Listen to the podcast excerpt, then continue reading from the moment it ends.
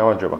შემოსვენდება გერ პოდკასტის 76-მე ეპიზოდს და მე მის წამყვანი ტატო კუტალია ვარ. ამ პოდკასტში საუბარია დეველოპერული კულტურის, ტრენდული ტექნოლოგიების და კარიერული ზრდის შესახებ. სანამ ეპიზოდს დავიწყებთ, გთხოვთ რომ გამოიწეროთ ეს პოდკასტი, როგორც Apple Podcast-ზე, შეგიძლიათ Spotify-ში, შეგიძლიათ Google Podcast-ზე, მოკლედ ნებისმიერ პლატფორმაზე და დაგიხმარებათ, რომ ახალი ეპიზოდები უფრო სწრაფად მიიღოთ და მოისმინოთ და ასევე, რა თქმა უნდა, Facebook-საც ვართ და შემოვერთით Facebook ჯგუფშიც, რომ უფრო მეტი სიახლეები ნახოთ. დღევანდელი ეპიზოდი ალბათ გასაკვირი არ იქნება. ბომბა ციგნი, სუპერ სუპერ ციგნი, რომელიც ნებისმიერი software ინჟინერის დამწყები უკვე კარიერაში შემდგარის წარმოსახვას შეცვლის პროგრამირებისადმი და ზოგადად როგორ შეიძლება შევხედოთ refactorings. და სწორედ ასე ქვია წიგნსაც refactoring-ი მარტინ ფოულერი და კენტ ბეკის მიერ დაწერილი. თავიდან რომ მოვყვე მარტინ ფოულერზე, მინდა ერთი ორი სიტყვა, რა თქმა უნდა ეს სახელი და გვარი ალბათ ყველა მისის development საყვარში, მაგრამ მათთვის ვინც ჩეკიდე დამწყებია და არ გაცნობია ასეთ გიგანტებს ჩვენს ინდუსტრიაში, მათთვის მინდა ვთქვა, რომ მარტინ ფოულერი არის ადამიანი, რომელმაც ასე ვთქვათ, ძალიან დიდი კვალი დატოვა ჩვენს ჯერ კიდევ ახალგაზრდა სფეროში, არის ავტორი საოცარი წიგნების, ძალიან მაგარი სპიკერი არის ძალიან მრავალფეროვან თემებში, ზირთად რა თქმა უნდა, software engineering თემებში.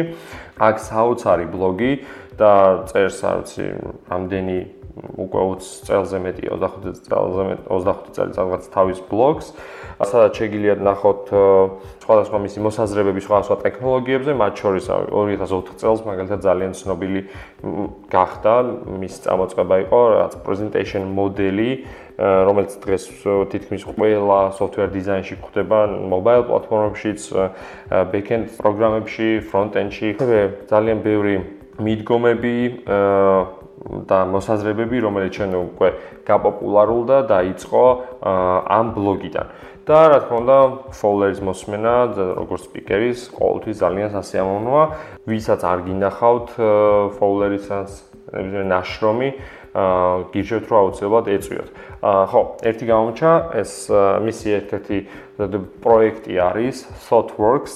ასევე ამ კომპანიას გადახედეთ. მოკლედ ეს თვითონ კომპანიას კონსულტაციებს აკეთებს, კონსალტინგ კომპანია არის, თუმცა თვითონ ეს დაუფენსორსებული აქვს, ასე ვთქვათ, რადარი ტექნოლოგიური, სადაც სხვადასხვა ტექნოლოგიები განლაგებული არის ამ პოლუსებზე და ხედავთ community ან საით საით მიისწრაფვის რა ახალ ტექნოლოგიებს ითვისებს, რა ახალი ტექნოლოგიები გამოდის და რა რისი ათვისება ღირს, ასე ვთქვათ, და რა დროის დაბანდება. მოკლედ, ამ რადარზე ადრეც მაქვს ნასაუბრები, ამიტომ დიდხანს არ გავჩერდები, მაგრამ ამასაც აუცილებლად გადახედეთ და ეს ლინკები ეპიზოდებში, ეპიზოდებში რა, ეპიზოდის ბოლოს იქნება მითითებული. მოკლედ, refactoring-ი ციგნი, პირდაპირ ასე ქვია. ეს ციგნი დაიწერა 2000 წელს, პირველი გამოცემა და იყო Java პროგრამების ენიდან მაგალითები. მაგის შემდეგ დაიხვეწა რამოდენიმე იტერაცია ქონდა. 2000 წელს ეს იყო, ბუმი ეს რო გამოვიდა. რამაც შეცვალა ძალიან ბევრი ადამიანის შეხედულება software design-ისადმი. და აგერ უკვე 2018 წელს გამოვიდა მეორე გამოცემა, თუმცა ბევრი იტერაცია ქონდა შუაში. უკვე JavaScript-ის მაგალითები, ანუ ყველა კოდის მაგალითი მოცემულია JavaScript-ზე, რადგანაც თვითონ Marty Fowler იხსნიდა, რომ უფრო მეტი კონცენტრირება იყოს ძირითად ნაწილებზე, რაც შესაძლებელია და არა ენაზე, რომელსაც ჭირდება რაც დამატებით, რაც აღწერა, ანუ verbose ენა არის Java და ძალიან ბევრი რაცები საჭირო, რომ უბრალოდ ეს მაგალითი დაწერო, ამიტომ ყველაფერი მოვაცილა და დატოვა მხოლოდ JavaScript-ზე, რომ ხო ან ძირითად ლოგიკას მიუხვდეთ. ეს refactoring-ი ციგნი მიზანში იღებს ცუდ დიზაინურ გადაწყვეტილებებს კოდში და ცდილობს, რომ გააუმჯობესოს და ნაბიჯ-ნაბიჯ გვასწავლოს, როგორ შეიძლება აი ამ კოდის გაუმჯობესება. რადგანაც აი ასეთი მიზანი აქვს ამ ციგს, ეს ციგნი არ არის გამოყენებული როგორც აი ერთხელ წაიკითხე ყდიდან ყდამდე და დადო უჯრაში და თქვა რომ ოკეი ეს წიგნი წაკითხული მაქვს და ვიცი. ეს წიგნი შეიძლება წაიკითხო როგორც თითოეული პარაგრაფი მიმდევრობის გარეშე, როცა გინდა კონკრეტულად რაც დაგჭირდება და მუდმივად გედოს შენ სამუშაო მაგიდასთან, იმიტომ ყოველთვის იქნება ისეთი რაღაცა, რაც დაგჭირდება და შეიძლება არ გახსოვდეს, ამ წიგში აღწერილი არის. კონკრეტულად კი აღწერილი არის 40-მდე სხვადასხვა რეფაქტორი, რასაც ვაკეთებთ იმის ტიპი, როგორ შეიძლება მიუდგეთ სხვადასხვა პრობლემას, აი კონკრეტულ პრობლემას და გადავჭრათ. მაგალითისთვის, გვაქვს რაღაცა შუა, ან middleman, ასე ვთქვათ, რაღაცა შუამავალი კლასი, რომელიც ამ შემთხვევაში ამ შემთხვევაში არ არის საჭირო და პირიქით გვირთულებს დიზაინს და როგორ შეიძლება რომ მოვაცილოთ, ასევე როგორ შეიძლება if else აი ასეთი ან switch case დიდი ასეთი ჩამოწერილი სია შევცვალოთ და გამოვიყენოთ პოლიმორფიზმი ამის უტილიზაციისთვის, როგორ გამოვიყენოთ უკეთესად ენკაპსულაცია, დეკომპოზიცია როგორ გავაკეთოთ ამ კონდიშნალების სუპერკლასი რა დროს გჭირდება რომ გამოვყოთ, თქვათ დელეგატი როდის გჭირდება რომ ფუნქციები გავყოთ ასევე ძალიან კარგად გვიჩვენებს რომ ხშირად კოდს როცა წერთ ხალხმა იცის ზედმეტი ოპტიმიზაცია და 1-4 ციკლში აკეთებენ დიდ ოპერაციას მხოლოდ იმიტომ რომ ეს 4 ციკლმა მასივს გადაუაროს ერთხელ და ვითომ ამითი პატარა პერფორმანსი მოვიგოთ. რეალობაში კი დღევანდელ კომპიუტერებს საერთოდ არ უჭირს მასივზე ობიექტების მასივზე ციკლის გადავლა და იმდენად ტრივიალური ოპერაციაა ეგ და მაგაზე დანაზოგი ასე ვთქვათ პერფორმანსის საერთოდ შეგვიძლია არც მივიღოთ თვლაში ამითი ბევრად უფრო ვაფუჭებთ კოდის კითხვადობას და ვაფუჭებთ ზოგადად ჩვენს დიზაინს.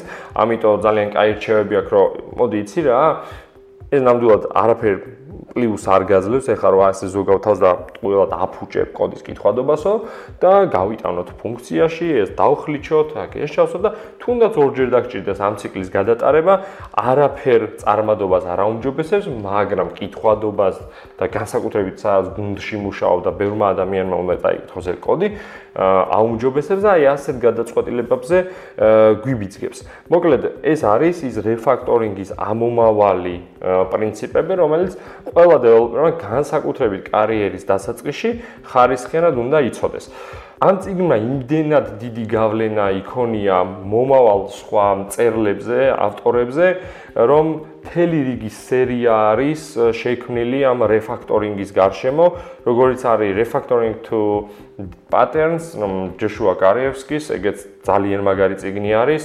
ასევე working effectively with the legacy code, რომელიც არის Mike Feathers-ის, იგივე ლეგენდარული ავტორი და ლეგენდა ციგნი.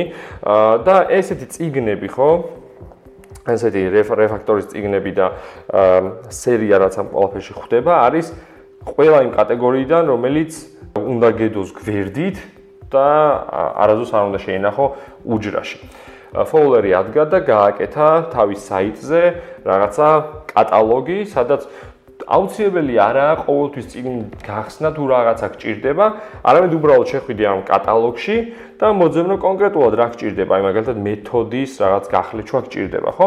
ამას მოძებნი და ძალიან კარგი დიაგრამით და კონკრეტული კოდის მაგალითით მოცემული არის მარტივად რეისი გაკეთება გჭირდება. რაც დამეთანხმებით, რომ ძალიან ძალიან მოხერხებული არის, როდესაც აი ამ რაღაც დასაწყისში ცდილობ რომ შენს კოდში ეს ახალი ნასწავლი ფუნქციები გამოიყენო. დრო როდესაც გავა და უკვე ხელის კუნთის מחსოვრობითაც კი იცი უკვე რა გააკეთო შენს ედიტორში და არ გჭირდება ამაზე დამატებით ფიქრი, აი ამ მომენტში უკვე შეგიძლიათ რომ დაივიწყოთ ეს ვებსაიტი და გააგზავნოთ უკვე ესე თქვენ მარტო მუშაობა. მთელი ეპიზოდია ახტაცებით ვსაუბრობ ამ ციგნზე, ჩემზე ძალიან დიდი შთაბეჭდილება მოახდინა და შეფასება მე მგონი ყოველ ყოველ ორ წუთში ამ ციგნის შეფასებას გავდივდი, ასე რომ ყველას გიჩვენოთ წაიკითხოთ, ვისაც არ წაიკითხოთ, ვინც წაიკითხეთ, მაშინ განაგძეთ უკვე სხვა სერიის ციგნები.